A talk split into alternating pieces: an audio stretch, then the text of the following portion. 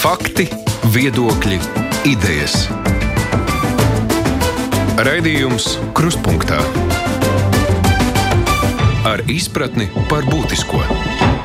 Studijā Mārija Ansone. Ukrainas armija par pretuzbrukumā Krievijai ir guvusi panākumus, bet ar panākumiem nav beigušās valdības un pedagoģa arotbiedrības sarunas, un streiks tomēr būs. Satricinājumi arī valsts ieņēmuma dienestā. Finanšu ministrs no amata atstātinājis dienesta ģenerāldirektoru Ievu Jaunsemi, un tas saistīts ar knabu veikto darbinieku aizturēšanu nodokļu un muitas policijā. Šīs un citas nedēļas, nedēļas aktualitātes kopā ar žurnālistiem apspriedīsim šodien raidījumā. Šodien kopā ar mums ir kolēģi Latvijas radio, Aidis Tomsons tur tālumā ekrānā. Sveiks, Aidi! Sveika, sveika! Jā, ģedards Dželzis šeit tepat radio. Sveiks, ģedards! Sveika! Arī žurnālists Romāns Meļņiks. Sveiks, Romān! Labdien. Un Raimons Rudzāts arī tālu prom ekrānā. Sveiks, Raimond! Jā, vispirms ar to, kas notiek vid un uh, finanšu ministra lēmumu atstādināt Ievu Jaunzem, nu nav noslēpums, ka nu, viņiem bija visu laiku tās attiecības tā kā uz nažiem. Tad eh, šajā situācijā kā tas izskatās, ka pelnīts lēmums vai viņš izmanto situāciju? Roman, kā ja, tu redzi ja, ja to? finanšu ministrs neprasītu uh, vidu ģenerāldirektoru atlaišanu, praktiski nu, pašam būtu jāuzņemās atbildība par to, ka uh, iekšējie kontrolas dienas nav uh, pietiekoši labi strādājuši, lai varētu izcert šādus gadījumus paši, un kad ir atsevišķas citas uh, tiesības sargājušās struktūras, kas ir šī gadījumā to fiksējuši un, un, un kaut ko uzsākuši izpēt. Šī gadījumā interesanti ir tas, ka uzņēmējs, kuram bija prasīts alkohols, diezgan no tā uh, puskonkrēti saka, ka tur bijusi arī politika iesaistīta. Un, un, un šī priekšvēlēšana laikā, protams, tas ir arī tāds interesants vērtējums fakts, ka nu, tieši priekšvēlēšana laikā parādās kaut kādas uh, politiskas, uh, finansiālas intereses, kuras, kaut kādas tiesības sargājušās institūcijas ir apturējušas. Mums ir pietiekoši pārāk maz informācijas par tām aizklausēm, bet es ceru, ka šādi skandāli palīdzēs arī atklāt tos visādus pasūtījumu darbus, pasūtījumu kukuļu prasīšanas. Un, un, un, un, jo vairāk šādu skandālu būs, jo, jo faktiski tas ļaus mums vairāk attīrīties. Bet tas, ko Jaunzēns kundze teica, ka nu, jā, tie skandāli ir, ne, ne, mēs nevaram paredzēt, viņa Facebookā rakstīja šķiet. Jā, var piekrist tam, bet tajā pašā laikā ir dažādi iekšējās kontrolas mehānismi, lai, lai paši spētu izcert šādus gadījumus. Nu jā, par to politikas iestipējamo iesaistīšanu. Nu, tas šobrīd izskatās, tā kā, nu, ka tā ziņa ir tā viegli paslīdējusi garām, vai tas tā arī paliks, vai tomēr tur ir nepieciešams dziļāk paurķēties? Es domāju, pilnīgi noteikti nepieciešams. Droši vien jāgaida, ko, ko rādīs izmeklēšana. Šis uzņēmējs arī teica, ka viņš ir parakstījies jau ar, ar, par to, ka viņš neatklās, kas bija arī nekā personīgi jā, sižetā. Nu, Protams, ka tur ir, ja tur ir tādas indikācijas, tas ir pilnīgi skaidrs. Un, protams, šajā, šajā Protams, tie vārdi netika minēti, bet šajā gaismā, kad ir priekšvēlēšanas, protams, tas ir, ja tas ir tas oligarks, tas, tas kardināls, nu, tas oligarks, bet pelēkais kardināls, kas aizklausēs, jā, un tur tā bilde ir.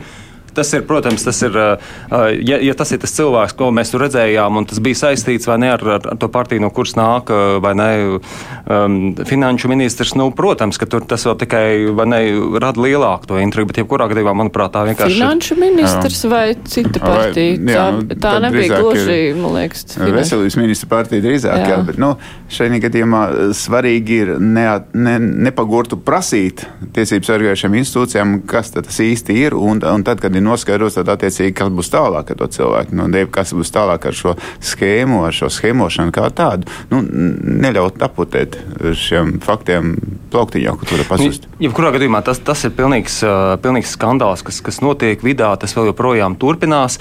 Un arī, ja atbildīgais ministrs ne, saka, ka viņš pats nevēlas uzņemties šo, šo atbildību, bet saka, ka, jā, protams, vidu vid vadītāji jāsadz, protams, ka jā, galvām jāripo, bet kur, kur sako politiskā atbildība šajā gadījumā? Nu, tas, tas man būtu tāds jautājums. Ai, Kas tas tāds? jā. Kas tas tāds? jā, vai ne? Jā, es jautāšu arī kolēģiem, kuri nav šeit studijā. Raimond, nu, kā tev šķiet, runājot arī nu, par atbildību, tad eh, šajā gadījumā kam tām galvām bija jāripo Ievai Jaunzemēji, Reiram, abiem, jo, nu, kuram tad tas bija jāredz, kas tur īsti notiek šajā te policijā?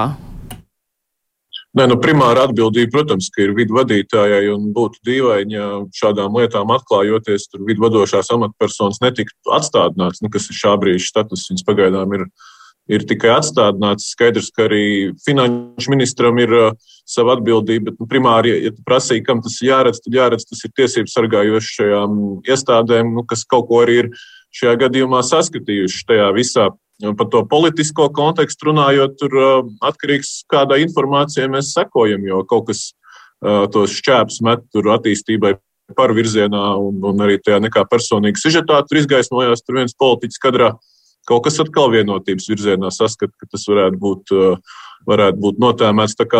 Es piekrītu kolēģim, kurš teica, ka trūkst informācijas. Nu, mēs šobrīd varam par to spriest tikai tādā publiskās informācijas nu, līmenī pārsvarā. Aidi, par atbildībām. Kurš ir primāri atbildīgs?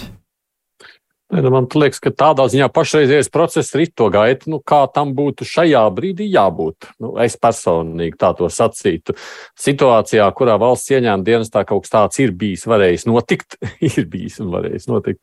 Es teikšu, protams, ka nu, skaidrs, ka tur, līdzīgi kā Rēmons, nu, šis ir tas brīdis, kad neapšaubām valsts vidu vadībai ir primārā atbildība par to, kā viņi to ir spējuši iekšēji kontrolēt vai vispār kaut ko tik tālu pieļaut. Tālāk runājot par politisko atbildību, tad, kad mums būs skaidrs, kurā virzienā jārunā, ja jāvirzās, tad jau mēs arī varēsim uzņemties, ja prasīt to, pareizāk sakot, šo politisko atbildību. Tāpēc, ka nu, pie pašiem, nu, protams, Reirām droši vien būtu pat pavisam ērti, pieņemsim tādu divas nedēļas pirms vēlēšanām, tā ļoti skaļi paziņot, ka viņš te uzņemas atbildību, protams, nezinot, es tā gribētu cerēt vai ne, kas tur īsti apakšā tālāk notiek. Es ceru, ka tiesības sargājušās instances neatskaitās šobrīd politiķiem par to, ko viņas atklāja. Bet pats par sevi, nu, domāju, pēc vēlēšanām un tajā brīdī, kad mums būs plašāka informācija, ja nezinu, cik ilgi tiesības sargājušās instances nevarēs neko tālāk skaidrot vairāk, nu, tad jau es domāju, mums pie šī jautājuma būs jāatgriežas. Pašreiz, domāju, tā kā tam ir jābūt. Šī lieta ir tāda, nu, tā kā bumba ar laika degli, nu, te apakšā būs kaut kas tāds milzīgs. Es domāju, ka ir, ja, ja, ja tiek nosaukts divas partijas, tad acīm redzot, viena ir un otra nav turklāt bijusi pie tās naudas uh, prasīšanas, uh, organizēšanas. Tad domāju, ka tā partija, kas nav bijusi, tā ir tieši interesēta, lai tā otra tiktu identificēta konkrēti un, un, un lai noņemtu no sevis šo aizdomu ainu. Līdz ar to te bumbi sagaidām, acīm redzam, nāks vaļā tūlītās kaut kādi papildus fakti, kas ļaus konkretizēt šo politisko klātesamību. Es vienkārši brīnos, ka šis politiskais faktors ir pagājuši jau cik dienas kopš tā sižeta, un tas viss, nu, nu, nekas īsti nelien laukā, tad vai tur kāds dikti gatavojas tagad? Nu, tur nav pierādījumu. Tur droši vien ah. ir kaut kādas, eh, teiksim, mājieni, bet, bet nav konkrēti pierādāmas tās lietas. Bet, nu, skaidrs, ka ja viens partijas uh, vārds tiek piesaukts, vienalga, kur no viņām būtu nevainīgi, tad viņi ir ieinteresēti nu, rakt līdz galam otrs uh, kapiņš. Nu jā, bet tas, tas, protams, tas klusums ir tāds uh, mūsinošs, kas, kas tur notiek. Jā, es, es arī nezinu, protams, vairāk tā ir tā publiskā pieejamā informācija, mēs varam tikai minēt, jā, bet tas, tas ir, jā, nu, tur ir jautājums zīmes, vai ne? Mm. Nu, redzēs, te, līdz vēlēšanām ir tik maz laika palicis jautājums, vai tur kaut kas izsprāgs tieši pirms vēlēšanām, vai arī, nu, kaut kā pagaidām. Pārāk vēl droši vien tam nebūs vairs tāda efekta, jo cilvēki nesēž katru dienu vairs pie panorāmas uh, ekrāniem vai, vai neklausās Latvijas radio nepārtraukti, kā tas bija savu laiku, kad nebija interneta. Uh, bet bet uh, skaidrs, ka kaut kādai nu, intervālam līdz vēlēšanām jābūt, lai kaut ko uzspridzinot varētu panākt, lai varētu būt tā rezonance uh, caur visiem kanāliem, lai cilvēki varētu nu, vairums sadzirdēt to visu, uzzināt. Nē, nu, pie pašreizējās situācijas, manuprāt, ja tas patiešām parādīsies tā, ka tas uh, nāk ārā tieši pirms vēlēšanām, nu, tad es sacītu, ka tur ir kas vairāk nekā tikai vienkārši godprātīgi tiesību sargājušā izmeklēšana. Jo pie mums nekas tā nenotiek tik ātri, lai tieši pirms vēlēšanām paziņot pēkšņi kaut ko politisku. Nu, manā skatījumā, un es tiešām paredzu, es tiešām tā domāju, ka pirms vēlēšanām nekas nevajadzētu un arī neparādīsies. Nu, ņemot vērā līdzšinējo priekšstatu man par knapu darbību un to, kādā veidā Straums kungs ir darbojies, es domāju, ka līdz vēlēšanām nebūs. Jā, cita lieta, kas arī ir nu, saistīta ar gaidāmo vēlēšanu kontekstu, ir skolotājs streiks, gaidāmais pirmdien jau. Valdība sniedz vienu piedāvājumu, arotbiedrība teica, nē, ka ar viņiem manipulē. Vakar vakarā nāca vēl piedāvājums, arotbiedrība teica, ka arī tas nav pietiekoši. Uh, arotbiedrības vadītāja pārmet uh, to, ka viņa taisa savu politiku, manipulē ar skolotājiem. Kā jūs šo lietu redzat, vai skolotāji tiek manipulēti, vai viņi ir manipulējami, vai viņiem varbūt tomēr pašiem ir katram savs, nu, kaut kāda vēlme, ko viņi grib paust ar šo skolotāju streiku? Nu, kā vispār raudzīties uz šo situāciju, vai te ir iespējams ieņemt kaut kādu noteiktu pozīciju? Es veicāšu Raimondam. Nu, tad, tad no kuras puses raugās, tiešām ir grūti ieņemt tādu, tādu vienu pozīciju, jo katram ir sava apsvēruma, kur, kur varam gan piekrist, gan nepiekrist. Nu, uh, Par pedagogiem skaidrs, ka mēs gribam droši vien piekrist, ka viņu darbs nav līdz galam novērtēts, ka slodžu sabalansējums tur nav līdz galam saprātīgs. Nu, tajā pašā laikā jāsaprot arī šā brīža atkal mēs lietosim politisko mikroklimatu, ka ir ļoti tuvu vēlēšanas. Tagad pulksten vienos tieši tiek parakstīts līgums starp uh, Līsdu un Gods kalpot Rīgai par to, kaut kāds mistisks vienošanās par to, ka, ka, ka būs izglītības jautājums jautājumi prioritāri, ja viņi tiksies savā starpā kaut ko runās. Un iepriekš arī ar citām partijām šī brāļošanās ir notikusi. Nu, skaidrs, ka ir grūti nesaskatīt to, ka tiek tēmēts par, par esošo izglītības ministru un par, par nu, viņas pārstāvēto partiju, kur tur ap 5% grozās. Un, um, tāpat laikā var arī saprast pedagogus, to pedagogu tūkstošus, kuri nu, tā iniciatīvai pievienojas, jo viņi jūtas nenovērtēti, viņi grib grib saņemt vairāk. Un, un vēl viens aspekts, par ko man gribas runāt, ir nu, kopumā, ka šādi tiek tomēr grauds pedagoģu profesijas prestižs. Jo viņi arī paši sūdzās, ka jauni cilvēki neiet mācīties par pedagogiem. Nu, kāpēc viņi iet mācīties? Ja principā katru rudeni vai nu tiek draudēts iziet ielās, vai tiek iziet ielās, vai arī tiek pie, draudēts ar streiku, vai tiek pieteikts streiks. Nu, tas ir tāds, tāds mūžīgais stāsts par to, ka es izmācos un septembrī es jau eju ielās. Ja, ir grūti tai, tai profesijai, nu, tādā ziņā arī to, to latiņu pacelt. Tas ir jau iespējams arī dziļāks jautājums par izglītības sistēmu kopumā, vai pedagoģu nav par daudz, vai to atalgojumu formātu nevajag pārskatīt tā, ka pašvaldībām pašām ir daudz lielākas iespējas variēt ar atalgojumu un ļoti talantīgs pedagogs arī novērtēt ar ļoti nopietnu atalgojumu un mazāk talantīgs uh, novērtēt zemāk. Tā kā te ir ļoti daudz jautājumu no ļoti dažādām pusēm. Es negribētu piekrist kolēģiem, ka tas grauj uh, prestižu. Es, es, to, es domāju, ka tieši otrādi, ka šeit pašreiz, ka uzstājīgi iet uz streiku un cīnās par to, es domāju, ka uh, gan, gan skolotāji, gan arotbiedrības, varbūt tas attiecas arī uz citām nozarēm, kas ir pirms tam gājuši šīm vis, visām uh, taupības režīmiem cauri un tam līdzīgi, ka viņi beidzot ir kaut ko mācījušies un saprot, ka, ka nē, tas nebūs tik vienkārši. Mēs neparakstīsimies pēdējā brīdī uz kaut kādiem pēdējā brīža vai ne tagad uh, mēģinājumiem sabalansēt.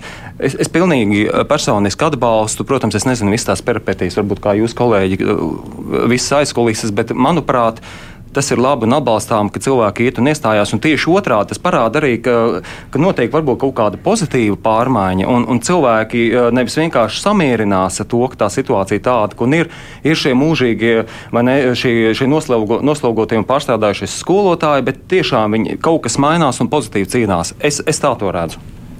Es arī domāju, ka streiks kā tāds ir ļoti labs uh, demokrātijas instruments. Mēs redzam, ka streiko satiksmes darbinieki Eiropas uh, daudzās valstīs, un tas nenozīmē, ka viņiem tāpēc viena prestiža krītās vai ne viņa profesijai. Viņi tieši otrādi viņi pierāda, ka viņi ar savu organizētību spēj kaut ko panākt. Un šajā gadījumā arī tas, ka skolotāji ir panākuši jau piekāpšanos no politiķa puses parāda, ka streiks ir eh, metode, ar kuru var panākt. Uh, tas, ka ir priekšrošana laiks, nu, tad politiķi ir jūtīgāki un politiķiem var spiest vairāk un panākt vairāk. Bet piedodiet, visus šos gadus skolotāji ir atvainojas cūkoti ar, ar visu laiku algas pielikumiem, reformām. Būs reformas, būs pielikums, samazināsim skolas, būs lielāks algas. Nu, beigās mums izrādās, ka mums skolotāji trūkst. No kā trūkst skolotāji? Tāpēc, ka visu laiku ir bijis negatīvs signāls, ka jūs faktiski esat tādā pabērnu lomā. Nu, kurš jauns cilvēks gribēs iet strādāt profesijā, kur ir pabērnu lomā? Un tāpēc arī nav. Un, un papildus tam, ja mēs skatāmies, ka eksaktais priekšmetos trūkst skolotāji, kāpēc trūkst? Tāpēc, ka nav bijusi prasības nav bijis eksāmenis kaut kādā fizikā tiem cilvēkiem, kas ir mācījušies, skolēniem, kas ir mācījušies mm, vidusskolās, nav bijis vajadzība pēc tāda priekšmeta. Nu, skaidrs, ka maz ir tādu, kas pašu savu galvu kārtojuši eksāmenu un gājuši mācīties to priekšmetu, kurš nav nemaz valstī vajadzīgs bijis.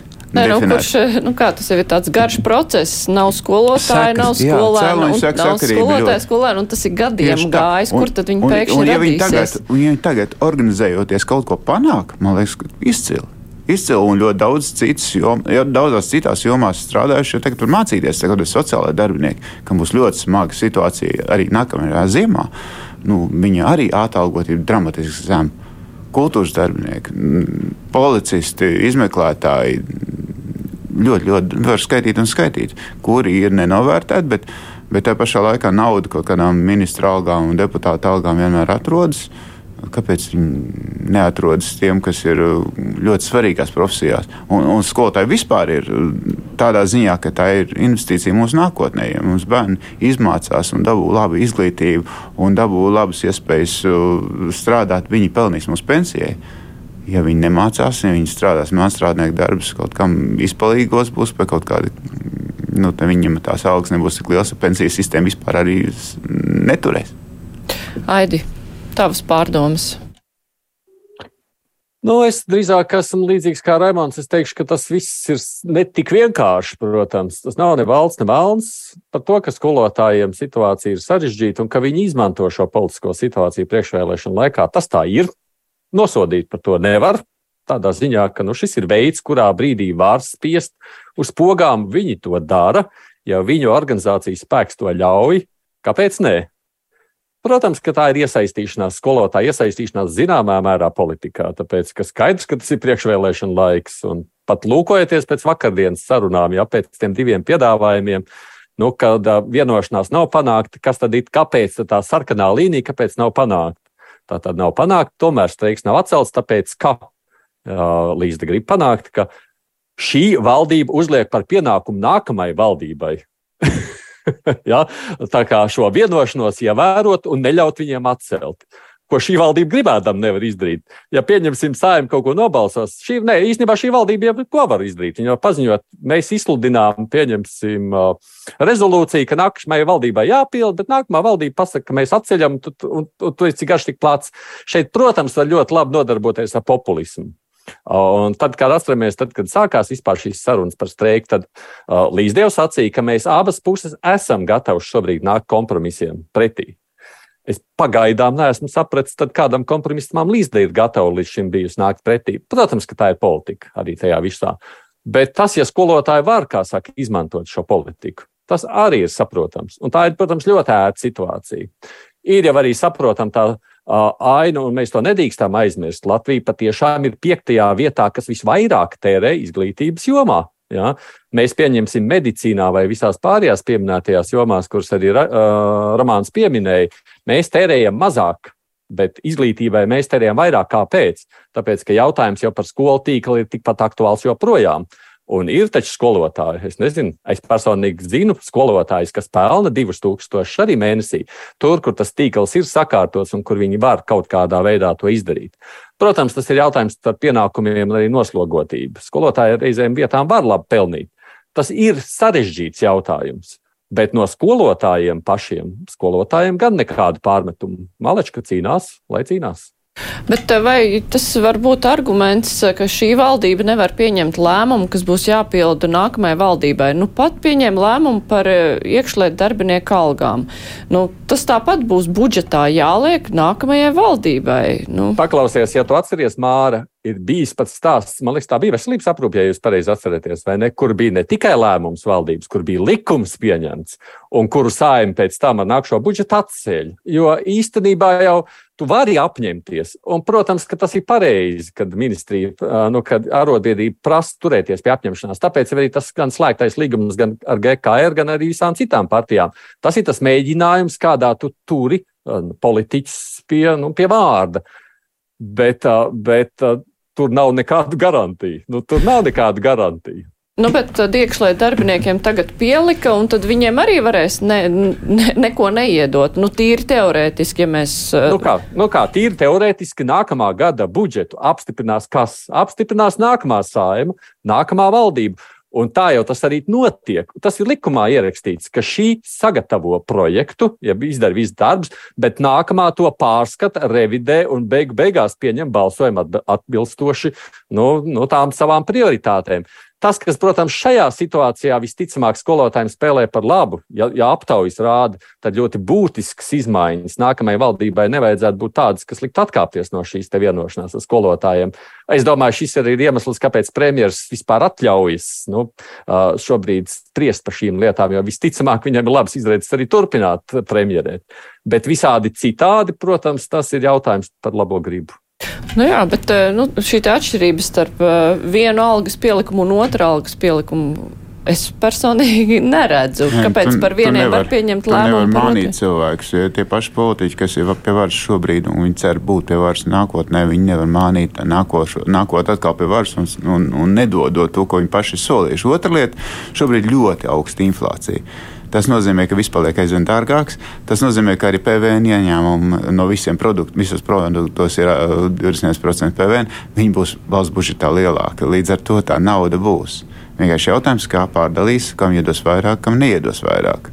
Kurš prasīs nu, šeit, vairāk, šeit... tas iedos, tā, tas saņems vairāk.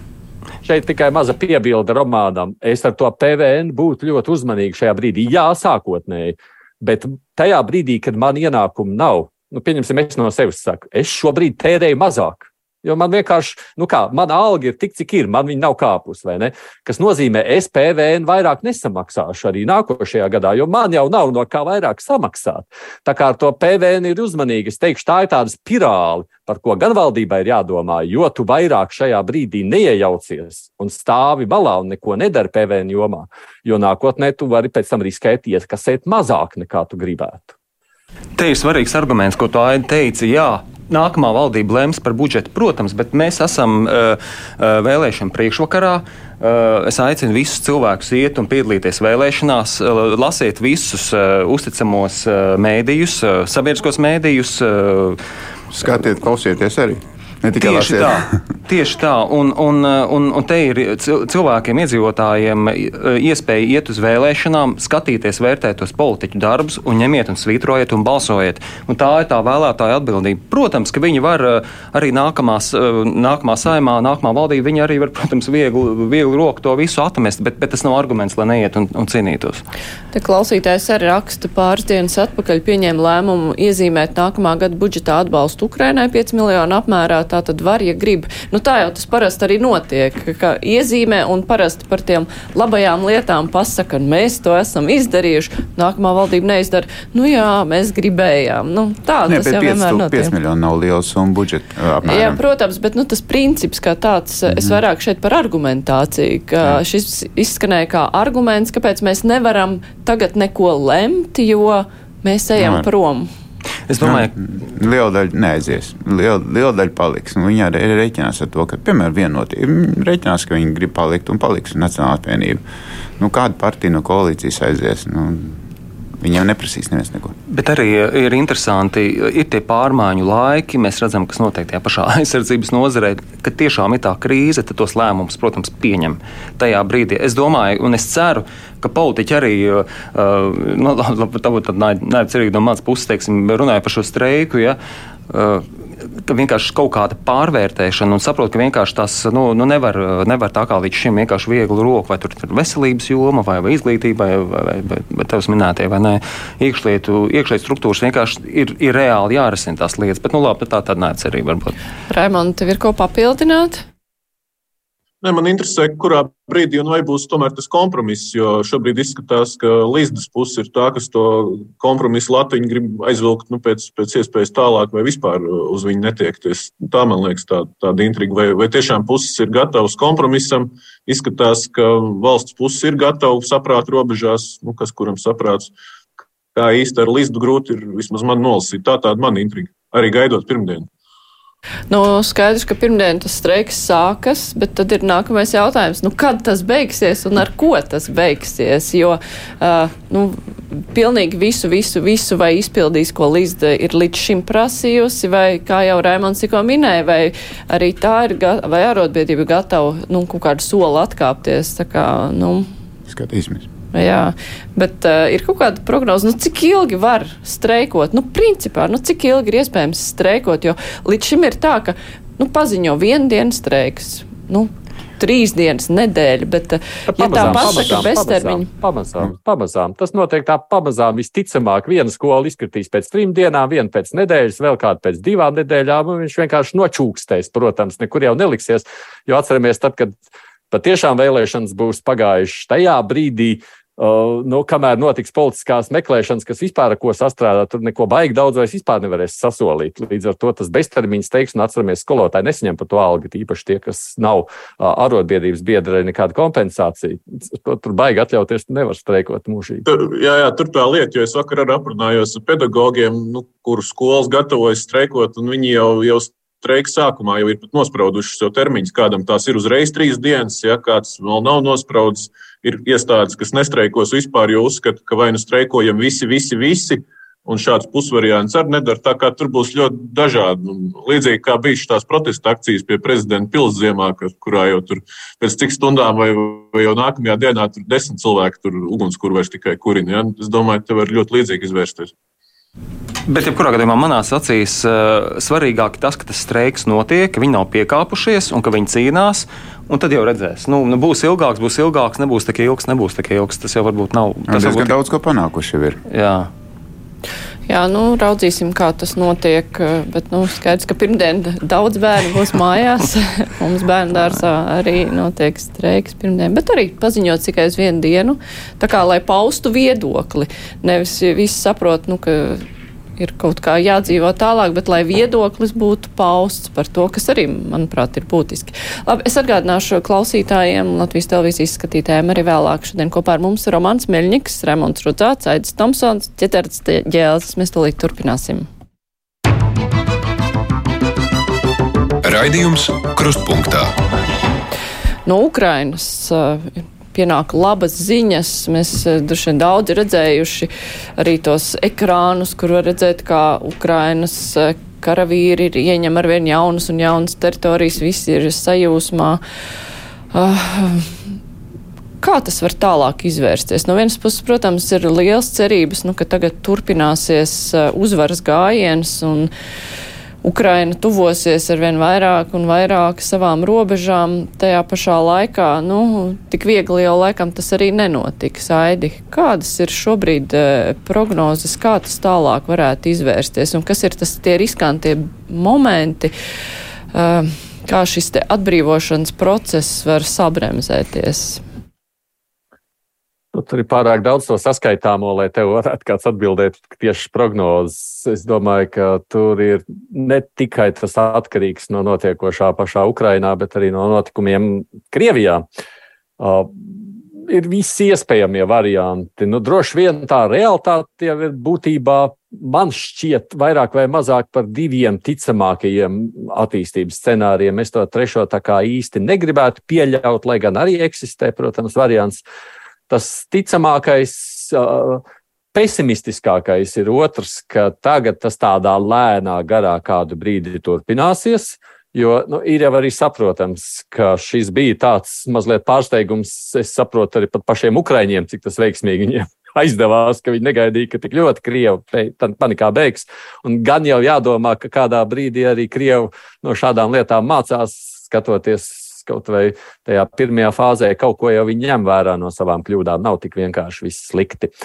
Uh, es negribētu pieļaut to, to trešo variantu, kas man šķistu, ka, ka, ka Krievijam izdodas kā, mobilizēties un paspiest būtiski Ukraiņus atpakaļ, lai gan arī šo mēs nevaram izslēgt.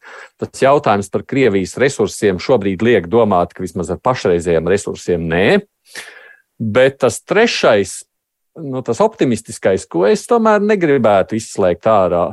Nu, es domāju, ka ir taisnība visiem tiem, kas saka, ka kaut kas jau pašā Krievijā rūkst.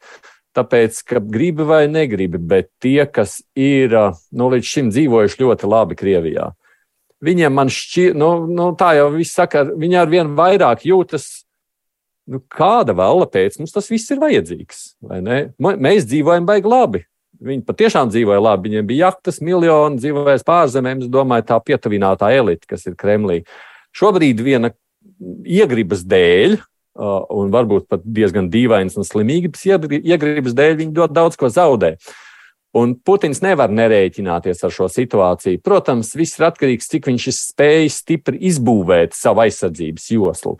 Bet mēs redzam vēsturē, ka tas agrāk vai vēlāk plaisas rada, un es esmu pārliecināts, ka kaut kādas plaisas tur rodas.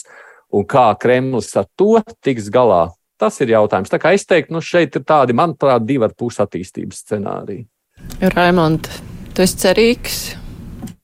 Es esmu optimists, jā. Bet uh, man līdzīgi kā Aidim gribās pie tā trešā scenārija pieķerties. Es arī tā kā gaidu ar interesi, nu, kurā brīdī Krievijas iekšpolitikā kaut kāda procesa un, un tāda saviļņojuma pazīmes parādīsies. Jo nu, cik var tajā letarģiskajā miegā gulēt lielākā daļa sabiedrības, un, un tas arī, pieņemsim, notiek scenārijs, ko daudz gaida, nu, visi droši vien par, par Putina gāšanu, jebkādā veidā un aiziešanu no prezidenta amata. Nākamais, kas, kas dara bažīgi, ir vai vai tiešām tie pēcteči nu, ir labāki varianti un, un mazāk nežēlīgi. Un tādā garā jau jāatcerās, jo, tā tauta, kas ir principā joprojām atbalsta šo līderi, tā jau paliks nemainīga. Ja varam nomainīt vienu cilvēku, bet nemainās jau, jau, jau tā pati nācija, kur, kur ļoti mazs procents vispār ir izceļojuši ārā. No Krievijas, kur mazs procents ir pabijis kādreiz Maskavā vai Sanktpēterburgā. Un, un, un tas jau ir tas, tas Krievijas fenomens vienmēr ir bijis tas, ka nokārtojas sausajā toaletē, bet sit pie krūts, ka lido kosmosā. Ja? Nu, tas ir tas. Tas, kas notiek Krievijā, tā bija tās ziņas par tiem municipalitāšu deputātiem, kas sūta aicinājumu Putinam atkāpties. Uh, nu, tur šobrīd ir vispār kaut kāda kustība sajūtama, un cik lielā mērā vispār var paļauties uz to, ka, nu, ka būs kaut kāda tāda opozīcija, kas nav līdz šim bijusi kaut cik saistīta ar uh, Kremli vai vismaz tāda, nu, tāda pasīvi atbalstoša? man kaut kā, man ir tāds, man nav ilūzija par to, ka, teiksim, pašā Krievijas sabiedrībā, es pats neesmu bijis Krievijā, es, uh, nu, es neesmu tas eksperts, es godīgi, es, es tiešām nezinu. Bet ņemot vērā to, to ko analītiķi saka un, un, un, un sakojot visiem tiem notikumiem līdzi, nu, un, un tai drausmīgajai propagandai, kā viņi sapumpēta to naida līmeni. Uh, man negribētos ticēt, ka tas notiks tā. Man uh, pirms šī raidījuma ir palasīja bijušais uh, ASV komandieris Eiropā, kas bija Bens Hodžers. Viņš ir atvaļināts. Viņš, viņš pieļauj, jā, ka mums vajadzētu gatavoties Krievijas sabrukumam. Tas man arī liekas nedaudz tāda vēlme domāšana. Es domāju, vai, vai vienkārši tas ir tāds apzināts gājiens, sūtīt signālu varbūt publiskajā telpā, bet vienu punktu, kas man likās interesanti, viņš iezīmēja, ka, teiksim, varbūt šajā saistībā, kad, kad Putins ir aizsūtījis visu visus tos, tos, tās armijas vienības un karaspēku karot uz Ukrajinu, un, un, un tur notiek viss, kas tur notiek, un tas ir ļoti labi. Es priecājos par Ukraiņiem, man tiešām ļoti liels prieks. Ja kaut kādā mērā, teiksim, Čečenijā uh, kaujinieki sāktu atkal cīnīties par savu neatkarību, tad, tad tas varbūt, varbūt kaut ko tiešām sāktu kustināt, un tas varētu kaut ko jau nozīmēt, ka kaut kāds pārmaiņas notiek. Tas tā man vērtējot, es domāju, no tādas sabiedrības, no Krievijā, nu, es nedomāju, ka tur būs kaut kas labs gaidāms ilgā laikā. Ir redzamā un ir neredzamā vara. Tā redzamā ir tas Putins, vēl vesela virkne ar redzamām amatpersonām, bet tā neredzamā vara ir tā, kas faktiski tas mehānisms, tā komanda, kas satur kopā to valstu, visi tie drošības dienesti un spēcdienesti, visi pēc kārtas. Skaidrs, ka nekāda opozīcija tur neko nevar ietekmēt. Ja tur būs, tad būs kaut kāds nu, gauma apvērsums. Kad vajadzēs vienā brīdī vajadzēs nu, leģitimizēt to jauno situāciju, un tad būs jāmeklē vainīgais pie tās, vecā, tās, tās, tās jaunās situācijas, kas ir nelabvēlīgas. Tad var nopurēt kaut kādu galvu, nocirst, kā saka, un ielikt jaunu galvu. Bet nu, nevar um, cerēt, ka, ka tas jaunais vadītājs, kas nāktu Putina vietā, pēkšņi atsauktu karaspēku atpakaļ no Ukrainas un atpakaļ un padotos. Un Krievijas pašapziņa ir uzpumpēta tik, tik, tik augstu tas, tas līmenis, ka viņi nevar atkāpties. Viņi faktiski ir iegājuši tādā strupceļā. Viņiem ir jāiet uz visu vai neko. Un, un, ja, ja tagad, um, Putina laikā atkāpsies līdz e, iepriekšējām 91. gada robežām, tad, tad var mainīties kaut kāda vara un teikt, nu labi, mēs tagad Putins pieļāva mums milzīgu kļūdu, mēs tagad zaudējām viņa dēļ e, iespēju paplašināties. Un, Un, lai nu paliek tā, kā ir. Bet nu, tas ir tajā brīdī, kad ir atgriežušies atpakaļ līdz 95. Gada, 91. gada robežām, kad, kad var teikt, ka nu, nu paliek kā ir. Bet tā var būt, ka Krievijā nav spēku tajā skaitā, nu, kaut kā Putinam pietuvinātu, kuri grib tomēr dzīvot normālu dzīvi, kuri grib, lai ir kaut kādi sakari ar rietumiem, jo šobrīd, nu, ir tā, ka, nu, kurš vairs runās vispār ar Putina Krieviju vai ar Krieviju, kura karo Ukrainā, lai vai kurš tur Jā, būtu prezidents. Viņam ir jāsatur arī kopā valsts, un viņi nevar saturēt to valstī, ja viņi atkāpjas un atzīst zaudējumu. Viņi, viņi, viņi parāda savu vājumu automātiski. Līdz ar to viņam ir jābalansē starp, starp vēlmi izbeigt šo situāciju un tā pašā laikā nu, atrast veidu, kā atkāpties. Nu, Krievija nekad nav, nav, nav bijis viegli viņiem atkāpties no, no atzīt savas kļūdas. Viņi neatzīst bet, ja, bet, ja Krievijas liela, sabiedrība pašapziņu uzpumpē. Bet ja Krievijas sabiedrībā ir veiksmīgi iezombēta ideja, ka karot vajag, ka Ukrainā ir jākaro, ka tas ir pareizi un vai nav iespējams iega, iegriezt to visu procesu kaut kā savādāk, atkal pārliecināt sabiedrību, Jā. ka tas cits lēmums viņi, ir viņi pareizais. Viņi šobrīd ļoti aktīvi runā par to, ka ne jau pret Ukraiņiem viņi karo, pret NATO viņi karo. Nu, tad viņi būs atzinuši, ka NATO viņus ir, saka, izdzinuši no Ukrainas atpakaļ pie savām robežām. NATO tagad ir pie viņu robežām, viņi tagad ir vārgi un padevušies. Es domāju, ka Krievijas politiķi neviens nevar to atļauties, kas, kas ir daudz maz pie varas, tādas lietas stāstīt. Vispār propagandisti nespēj to iepakot. Aidi. Jā, es domāju, es kaut kādā mērā tomēr šoreiz Mārtu atbalstīšu. Es piekrītu, tā nebūs opozīcija. Tā nebūs tauta. Tie būs putinisti paši, vai ne? Un Ir jau tā, man, man liekas, ka Padomju Savienības vēsture rāda, ka diezgan labi to var izdarīt. Paskatieties, Staļins nomira, cik veikli Hruščovs. Tas, labi, tas nenotiek vienas dienas laikā, vai ne? Bet diezgan žigli var viss pagriezt otrādi un beig, beigās padarīt uh, Staļinu uh, pretējā virzienā. Uh, pēc Hruščova novāca, atceramies, cik skaisti Brežņevs visu to izdarīja. Uh, mēs redzam, Kazahstānā kāda situācija veidojās ar Takajevu un izdarīt to var to patiešām var izdarīt un iepakot var. Un pat skatoties pēdējo dienu, kaut kādas, es jau neredzu Krievijas televīziju, bet tos interesantākos izvilkumus, kas parādās vai ne Telegram kanālā vai kaut citur, mēs redzam, ka var diezgan veiksmīgi manipulēt. Un es domāju, ka Krievija māca izmantot vajadzīgā gadījumā propagandu arī citādā virzienā, sev par labu, visu, ko var pasniegt. Tas jautājums ir tiešām par to, kādiem, kas ir pieraduši piedodiet, gadu desmitiem dzīvot zeltā, grezni un labi. Viņiem šobrīd ir baigās nepatikšanas. Iedomājieties, tādam prigožnam jāstaigā pa cietumu un jāvērvē zekus, slepkavus, lai savāktu sev armijā. Tas jau arī, piedod, viņam ir pazemojoši. Ja? Ne kaut kādā brīdī jau tas, tas ir ārprāts. Ja? Un, ja tu rēķinies, ka tev nekāda perspektīva nav, un tu saproti, ka tu ar šo nomirs, un taviem bērniem ar to vairs neko nevar izlīdzēt, kādā brīdī tu saki, kādu, nu, kāpēc man tas ir vajadzīgs? Mēs jau varam tādu veiksmīgu pārbīdi uztaisīt, gan jau mēs izdomāsim, kā to skaisti iepakot. Galvenais tikai, ka mēs pēc tam atkal tiekam kaut cik atpakaļ zirgā. Runājot par eh, tiem cilvēkiem, kuri bijuši opozīcijā Kremlī, tas, eh, kas tagad ir parādījies, ir arī no viņa puses neizpratne par to, ko īsti rietumi grib. Jo tajā brīdī, nu, kaut kā ir sanācis tā, ka šis vīzu jautājums ir bijis vissāpīgākais visiem. Tajā skaitā arī opozicionāri noskaņotiem, ka nelaidīs uh, Krievijas iedzīvotājs tagad Eiropā un ka to uztver ar neizpratni un kritizē arī tie, nu, Uh, opozīcijas pārstāvi. Tas nozīmē, ka arī šī opozīcija līdz galam tad laikam nesaprot uh, tos rietumu centienus. Ko tad mēs te īsti uh, gribam no tās Krievijas? Nu, acīm redzot, jā, nu tas ir.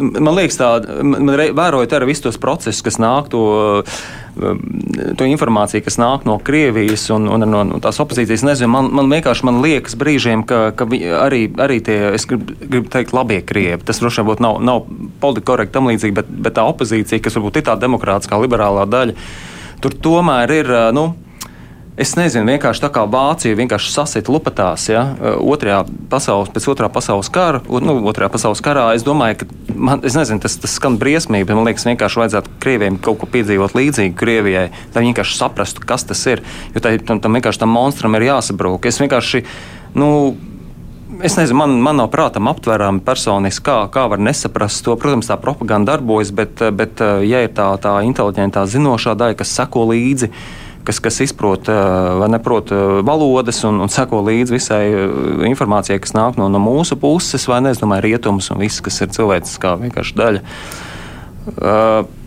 Es nezinu, kā, nu, man ir grūti atbildēt uz to. Sankcija politika bija ieviesta tieši tāpēc, lai būtu kaut kāda neapmierināta ar esošo varu cilvēku grupa vai milzīga daļa cilvēku, kuriem ir kaut kādas ierobežojums, kur dēļ viņi grib mainīt kaut ko Krievijā ja, ja tie opozicionāri uh, būdami neapmierināti ar to, kas notiek Krievijā, varēja brīvi aizbraukt prom no Krievijas un, protams, sociālos tīklos un, un visur arī medijos runāt un runāt. runāt. Tas faktiski nestrādāja, jo viņi runāja tajā demokrātiskajā pusē. Viņi ne, necentās neko panākt iekšpolitiski.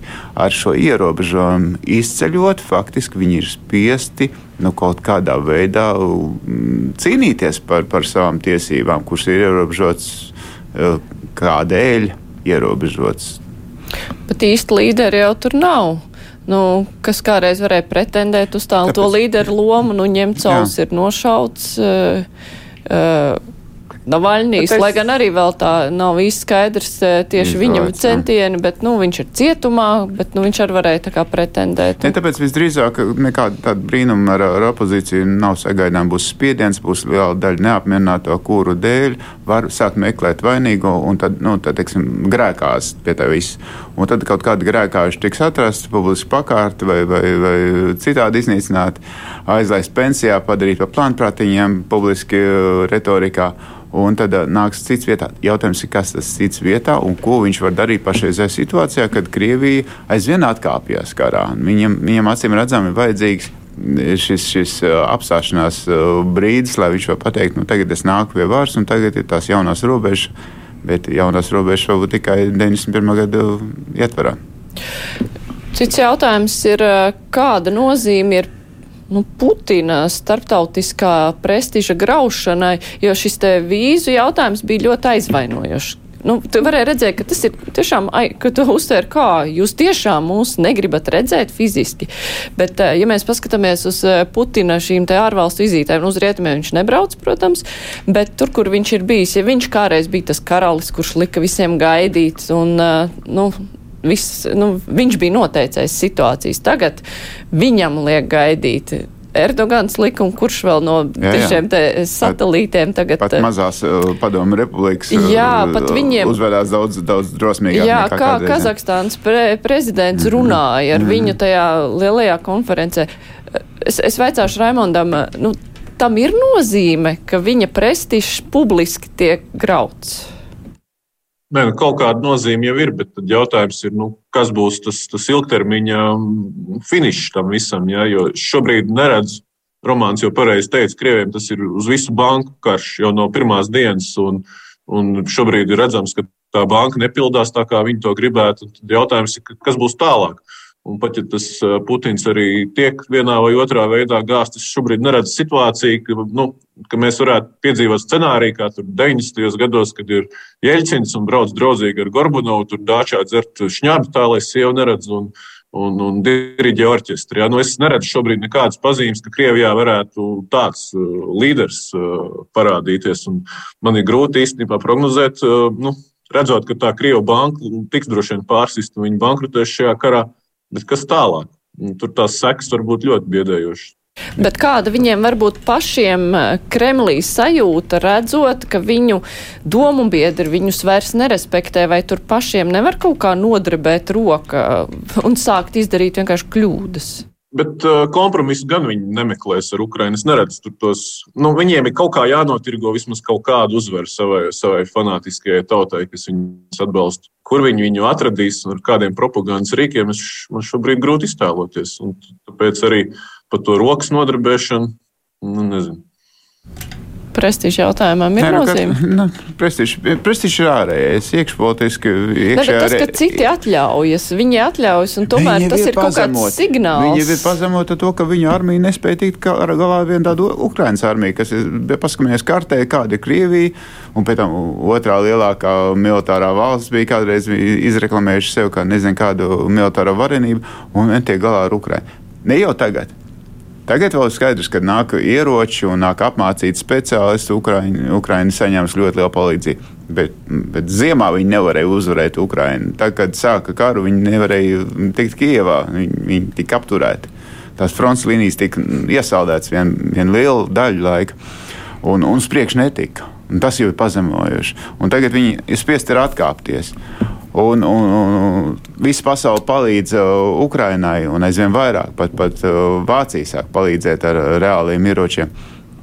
Un viņam, viņam neviens um, neko nevar palīdzēt, un visi ar viņiem, nu, viņiem novēršas. Skaidrs, ka tas ir pazemojuši, bet skaidrs, ka ir jāmeklē izēja. Un tā izēja nav nomainīt Putinu, jo tam nākošajam nāksies saņemt to pašu mantojumā. Tad, tad, tad, tad viņš būs cilnieks. Mantojumā, jā, bet viņam būs uz ko novelt vainu. Uh, jā, bet viņam vajag tas, es saku, viņam vajag to, to, to status quo dabūt jauno.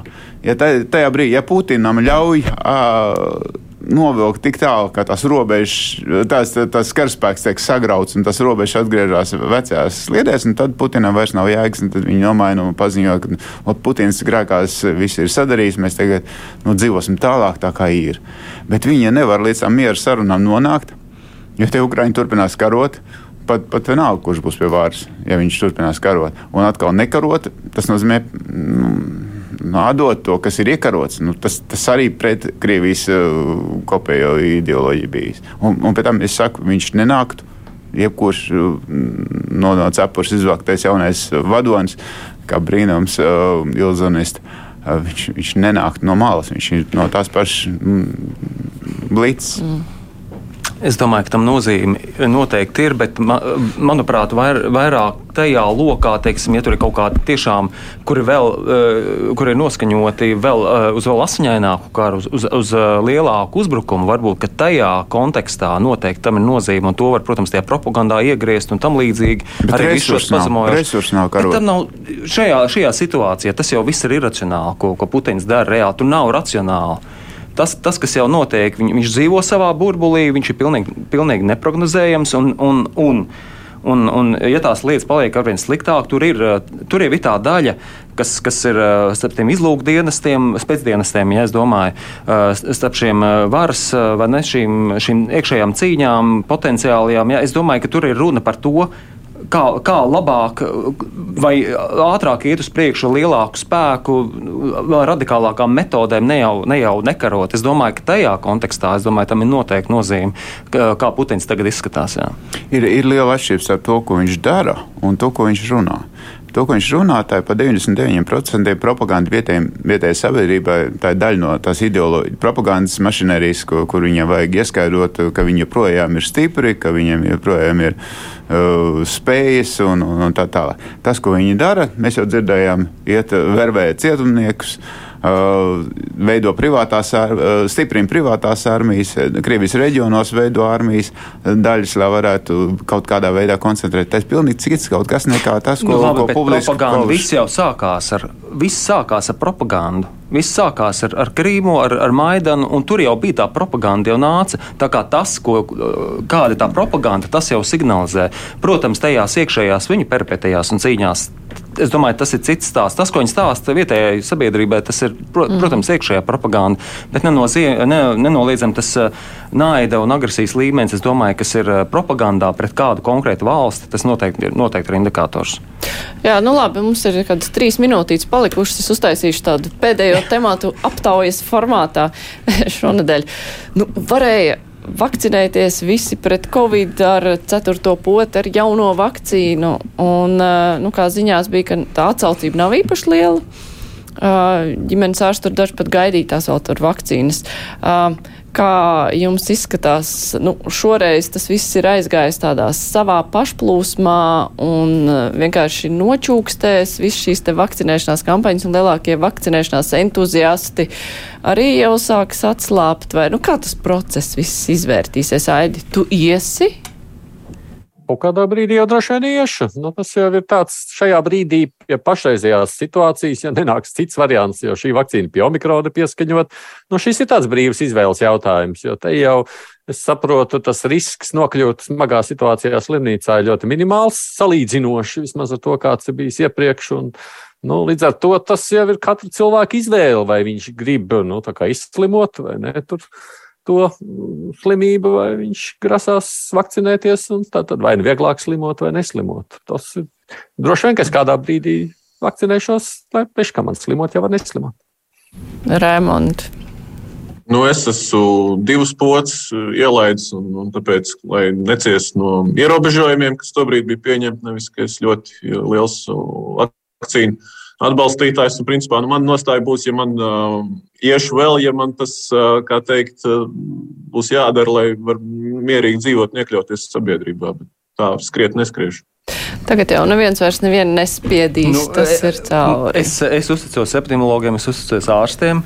Uh, kuri, kuri balstās vai ne tajā pierādītajā medicīnā. Es biju pie savas uh, ģimenes ārstes, es viņai prasīju, viņa teica, skatoties pēc situācijas, tad vajadzēs to ceturto. Man bija divas pocis, es biju pirmajā, pirmajā atvērtajā rindā, kad, kad bija iespējas zeneku uh, arī iešpricēju.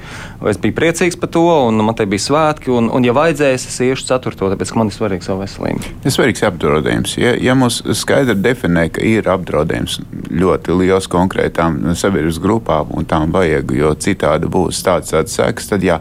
Bet, ja vienkārši saka, ka mums ir tūkstošiem saslimušo, nu, kas ir tūkstošiem saslimušo ar iesnu līmeņa uh, infekciju, pēc tam ne visus var identificēt. Varbūt mēs jau trīs reizes esam izstaigājuši to uh, covid un, un neesam pamanījuši. Uh, tad tad uh, skaidrs saprast apdraudējumu, un tikai tad var uh, pieņemt lēmumu par to, ka rīkoties. Un, un apdraudējums plus jā, vakcīnas efektivitāte. Mm.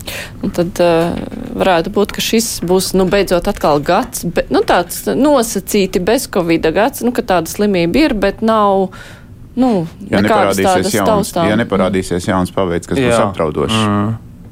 Mm -hmm. Bet nu, gan jau tie visi tie, tie vil, viltus ziņu rūķi un dīvāņi atkal viņi lidīs ārā no saviem krūmiem un tur, tur visādas, nu, tur maģijas, un kas tikai tur ir, nu, ko mēs visi tie, tie ūdeņi, kas pārējais. Tā kā, tas nu, tāds labs temats eh, tapt redzamam, tiem, kuriem gribās kļūt redzamiem. Es teikšu paldies Ģedards Ģēlzis, Romāns Meļņiks. Šodien bija kopā ar mums arī attālināt Raimons Rudzāts un Naidis Tomsons, bet eh, kruspunktā šodien izskan. Raidījuma producenti ir Evi Junām un studijā bija Māri Jansona. Vislabāk!